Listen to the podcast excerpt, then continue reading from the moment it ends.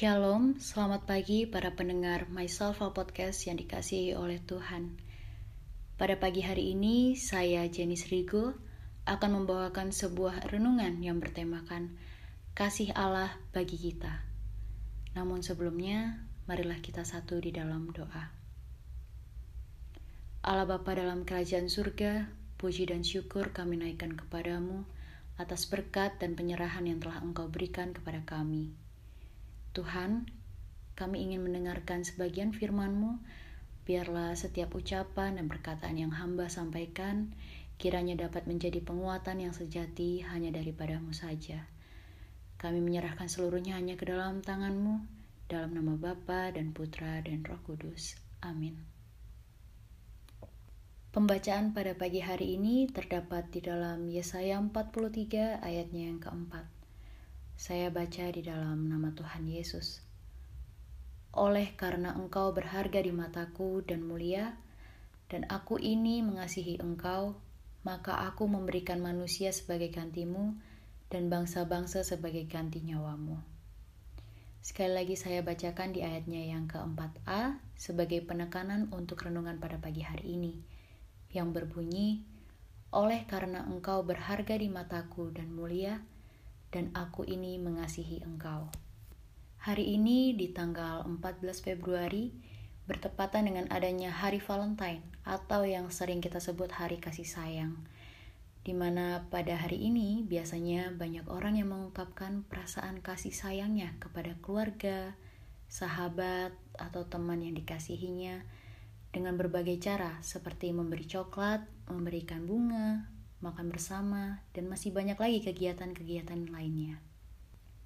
Banyak sekali hal yang dapat kita bicarakan mengenai hari Valentine, mulai dari bagaimana asal-usulnya, sejarahnya, atau apa sih makna sebenarnya hari Valentine ini.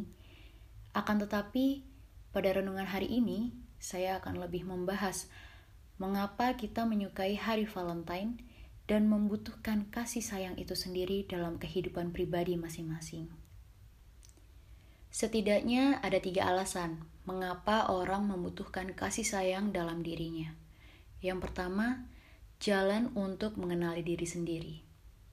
Saat kita dikasihi atau disayangi, kita dapat mengungkapkan banyak hal tentang diri kita yang mungkin kita sendiri belum kita ketahui mulai dari penerimaan, tingkat kesabaran, proses berpikir, dan reaksi naluriah kita saat kita sedang dikasihi dan disayangi dapat mengungkapkan banyak hal tentang karakter kepada diri kita sendiri.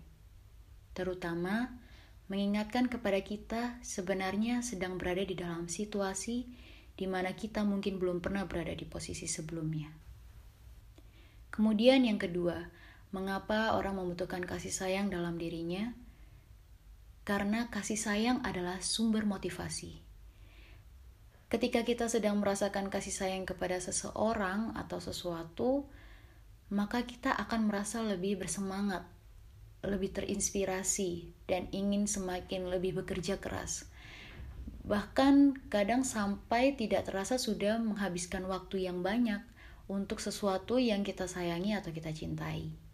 Misal, Orang yang mencintai pekerjaannya, pendidikannya, atau tanggung jawabnya pasti akan sungguh-sungguh melakukan dan menekuni semua tanggung jawabnya, sehingga bisa mendapatkan hasil yang terbaik. Dan poin yang terakhir, mengapa orang membutuhkan kasih sayang dalam dirinya? Karena semua orang membutuhkan kasih sayang. Di sini Manusia secara psikologis memiliki kebutuhan untuk diterima, diakui, mencintai, dan dicintai, dan memang terbukti sebuah kasih sayang merupakan salah satu dari beberapa kebutuhan yang mendasar. Sejak lahir, manusia bahkan sudah seharusnya mendapatkan cinta dan kasih sayang yang berkaitan dengan relasi atau interaksi manusia.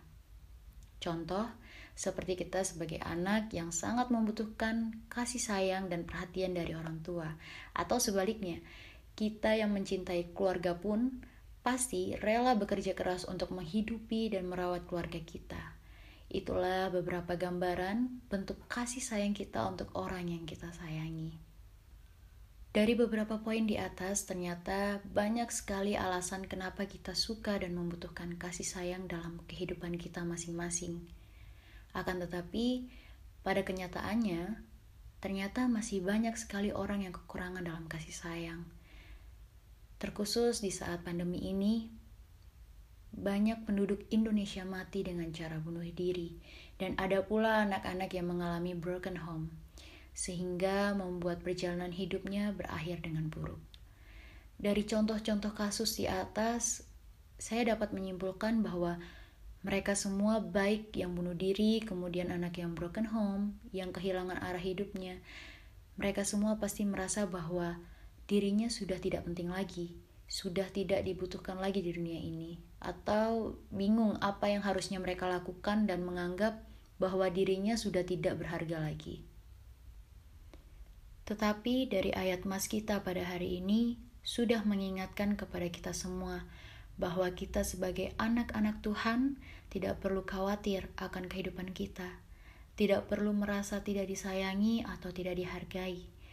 Karena di ayat ini Allah mengungkapkan kasihnya untuk Israel. Semua berkat yang terdaftar di sini lebih banyak berhubungan dengan orang yang menjadi anak Allah melalui iman kepada Yesus Kristus.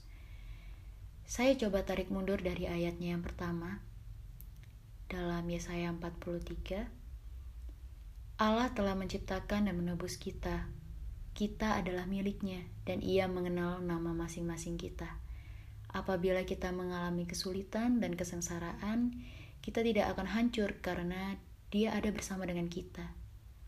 Kita ini berharga dan mulia di pandangannya, sasaran kasihnya yang besar. Maka dari itu, marilah kita di hari Valentine ini saling menebar kebahagiaan, memberi kasih sayang satu dengan yang lainnya, dan bagi yang belum merasa dikasihi atau disayangi, janganlah takut karena ada Tuhan Allah yang selalu menyayangi, menghargai, dan mengasihi kita sama seperti anaknya sendiri. Kiranya Tuhan memberkati kita semua melalui renungan ini. Marilah kita satu di dalam doa. Allah Bapa dalam kerajaan surga, terima kasih Tuhan karena kami baru saja mendengarkan serangkaian renungan firman-Mu. Kiranya apa yang hamba sampaikan dapat menjadi berkat bagi kami semua yang mendengarkannya. Namun sebelumnya, hamba ingin membawa di dalam doa bagi kami semua di mana pun kami berada.